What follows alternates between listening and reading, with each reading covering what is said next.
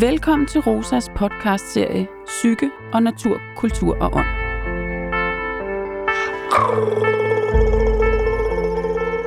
I dette afsnit, Psyke og Natur, skal det handle om vores forhold til naturen og om, hvad naturen kan betyde for vores psykiske velbefindende. Vi skal høre erfarings- og forskningsbaserede pointer fra naturvejleder Simon Høgemark. Simon Høgemark har grundlagt virksomheden Vi Natur, og han står bag succesfulde naturterapikurser for mænd under navnet Vilmandskurser, som også indgår i hans phd projekt om naturens helbredende kræfter. Men allerførst sætter filosof og eksistentiel terapeut Anders Dreby ord på vores helt grundlæggende behov for at føle os forbundet til naturen. Natur er noget, vi har haft et forhold til altid. Ikke bare naturen, som vi forstår den i dag, som det der er derude, det der er grønt, men naturen som den verden, vi er i. Vi har behov for at forholde os til den verden, vi er i, og gøre den forståelig. Forstå, hvad verden er. Og forbinde os til, at vi har en plads i verden. Vi har en eller anden rolle at udspille i verden. Der er en mening med det hele. Der er en sammenhæng i det hele. Hvis vi ikke får den oplevelse, at vi er forbundet til universet, at vi er forbundet til naturen, ja, så er det, at vi kan blive ramt af orienteringsløshed, retningsløshed.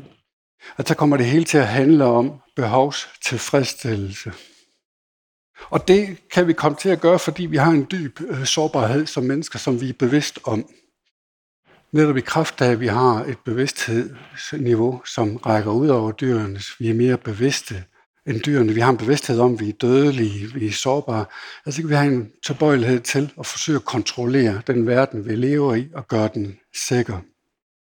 Men der er også en ting, der er helt afgørende for mennesket, det er, at den her kontroltrang, den ligesom har en grænse. Og hvis mennesket søger øh, at kontrollere og forklare alting i tilværelsen, ja, så er det det mister forbundethed med den verden, det lever i. Vi mennesker er en del af naturen. Vi er natur, som også er titlen på en bog, Simon Hømark er medforfatter til. Men vi har også en psyke og en højt udviklet bevidsthed, som gør det mere komplekst. Vores bevidsthed giver os unikke muligheder, og samtidig gør den os sårbare. Som Anders Dreby sagde, er vi bevidste om vores egen sårbarhed som dødelige væsener, og vi risikerer at gøre det svært for os selv i vores iver efter at tage kontrol over vores egen sårbare natur. Naturvejleder Simon Høgemark sætter her ord på dobbeltheden ved vores bevidsthed som en kæmpe gave, og som lidt af en opgave. Vores bevidsthed er fuldstændig fantastisk. Prøv at tænke på, at vi kan. Vi kan forstå abstrakt kunst. Vi kan forstå alt det, som Anders siger. Ikke? Altså, vi kan... når vi hører... Men virkelig, det er jo fantastisk smukt. Prøv at tænke på, hvad hjernen kan udvikle af viden. Ikke? Det er jo helt utroligt. Altså, vi kan, vi kan bygge New York. Ikke? Vi kan rejse til Mars. Altså, det er jo helt vanvittigt. Ikke? Altså, prøv at tænke på vores hænder, hvad de kan. Hvad de kan forme.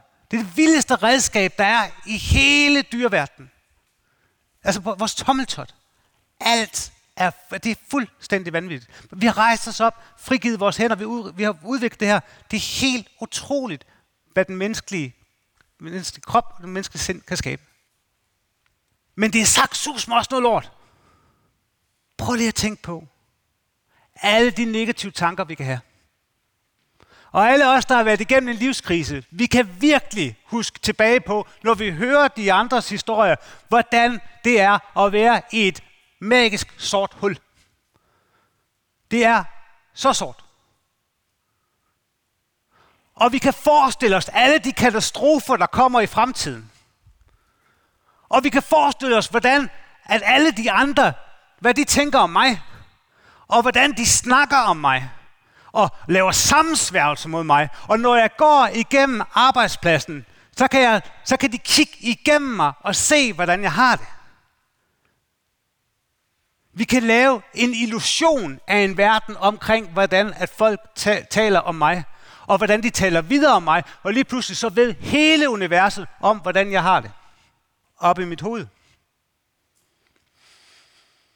95% af de negative tanker, vi har, det er løgn. Det er noget, vi bilder os ind. Bagsiden af medaljen ved at have en veludviklet bevidsthed er altså blandt andet, at vi gør os en masse negative forestillinger, som ikke har hold i virkeligheden. Det er særligt, når vi befinder os i svære livskriser, at vores bevidsthed kan gå i selvsving, og vi kan blive fanget i destruktive tanker. Det erfarede Simon Høgemark på egen krop i forbindelse med en lang og svær periode som nær pårørende til et menneske, der blev ramt af en psykisk lidelse. Simon var samtidig udfordret på flere andre områder, og hans respons blev at tage til Norge for at vandre, og for på egen krop at erfare, hvad han allerede vidste, nemlig at naturen heler. Jeg har jo arbejdet med, at naturen heler. Det vidste jeg. Så jeg tog op til Norge. På tredje dagen, så vandrede jeg ned igennem sådan en, en, en, øh, en, en nåle, øh, nåleskov. Og der bliver sådan lidt køligt. Der er sådan, stadigvæk sådan dis. Jeg begynder sådan at fryse. Og der kommer sådan en, en, en skarp duft fra, fra nåletræerne. Kan I genkende den? Den tager jeg ind. Og så går jeg ned igennem den, og så kommer jeg hen for enden af sådan et fjeld. Det er ved Lysefjorden, hvis nogen af jer kender det. Og så tænker jeg, at det har bare de vildeste tanker i hovedet stadigvæk, og det er bare, altså, og så tænker jeg, fuck, kom af med de her tanker, så begynder jeg simpelthen at, at tonse op af det her øh, fjeld her. Og selvom jeg ikke kan mere, jeg vil kaste op, så tonser jeg bare op af det her fjeld. Altså, øh, bare for at komme af med de her tanker her. Og til sidst, så står jeg op på toppen af, af det her fjeld her og kigger ud over Lysefjorden. Og der er sådan en, en tung dyne af, af skyer. Og jeg står der, og jeg kampsveder, og jeg er sådan helt fuldstændig forpustet, og, og så står jeg og kigger ud over der. Og, og mange har spurgt mig, har du tænkt på at springe, eller sådan? Nej, jeg havde to børn.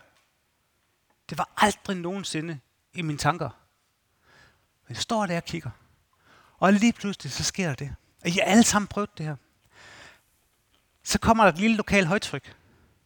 Og skyerne forsvinder. Kan I se det for jer? Kan I se den her lyskejle, der kommer ned? Altså nogle gange kan I se det ud over vandet eller sådan her. Og det hele bliver lyst op. Prøv lige at kigge ned i det der tyrkise vand der.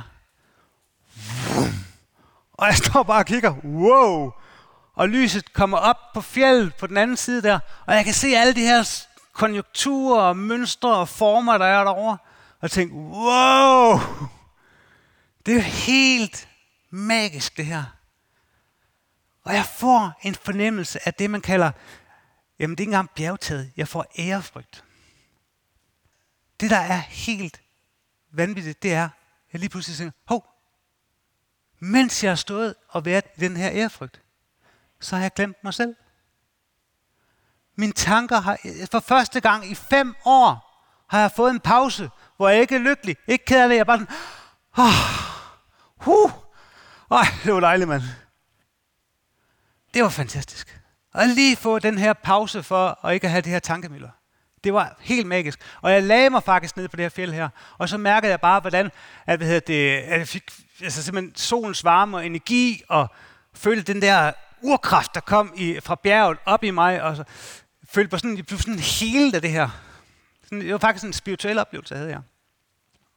Og det var der, der skete noget helt utroligt. Jeg fik håbet håbet om at få det godt igen. Der sker noget med os, når vi er i naturen.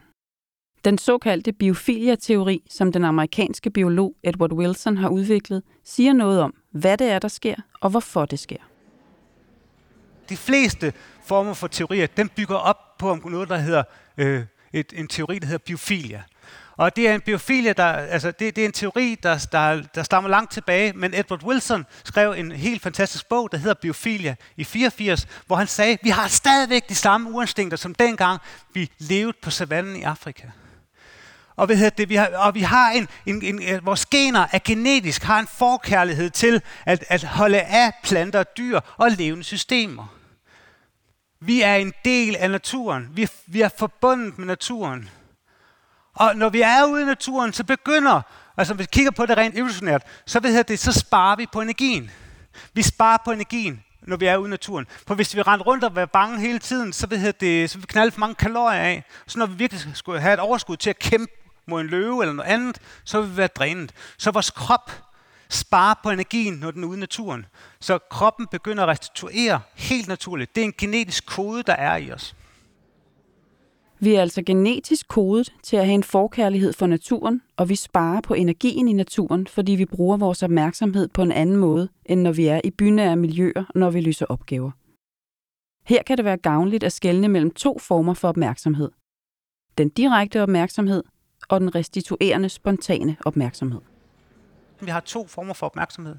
Vi har den direkte opmærksomhed, som vi bruger, når vi skal fokusere. Når vi skal læse, eller vi er på, på telefonen, hele tiden når vi er på telefonen, eller når vi skal op og pitche et eller andet for, for chefen, eller et eller andet. Hele tiden render vi rundt, analyserer, analyserer, er der far på færre, hvordan, hvad, hvad sker der omkring mig?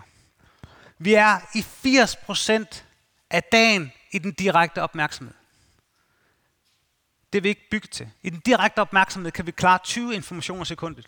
Den direkte opmærksomhed er vigtig. For eksempel dengang vi har stået foran en udfordring, en bjørn eller et eller andet, så skulle vi have den direkte opmærksomhed. Vi skulle få superkræfter til at kanalisere energien til at overleve her. Så den direkte opmærksomhed er rigtig, rigtig, rigtig vigtig. Men vi har en anden form for opmærksomhed, der hedder den restituerende opmærksomhed. Og øh, den kalder Captain Captain Soft Fascination.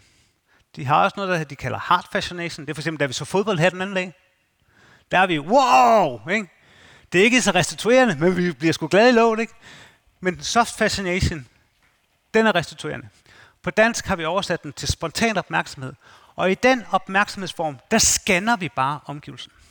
Og det er en opmærksomhed, vi har den bliver forstærket af at komme ud i naturen. Det kommer lettere af os, når vi kommer ud i naturen, fordi vores krop, vores psyke er tilpasset til at afkode de signaler, der er fra naturen. Helt, altså igennem millioner års udvikling har, har, har naturen givet os redskaber og gaver til at afkode det, der sker ude i naturen. I den spontane opmærksomhed kan vi klare 32 millioner indtryk i sekundet. Uden det dræner os. Så ved at komme ud i naturen, så går vi over, som jeg fortalte om biofilia, så går vi over og spare på energien. Det vores krop og sind er bygget til, det er faktisk at være i den spontane opmærksomhed i 80% af tiden, og 20% af tiden i den direkte opmærksomhed. Det er en af grundene til, at man mener, at vi lider af udbrændthed, stress, angst, depression, fordi vi ikke får restitueret. Naturen giver os en pause fra vores overbelastede direkte opmærksomhed, hvor vi har travlt med at præstere og kontrollere. Det kan virke helende, når vi forbinder os med den ydre natur, fordi vi samtidig kommer mere i kontakt med vores egen natur. Det er godt for det, der er i dit år. Det er godt for det, der er i dit år. Du har lyttet til Rosa-podcasten Psyke og Natur. Tak fordi du lyttede med. Oh.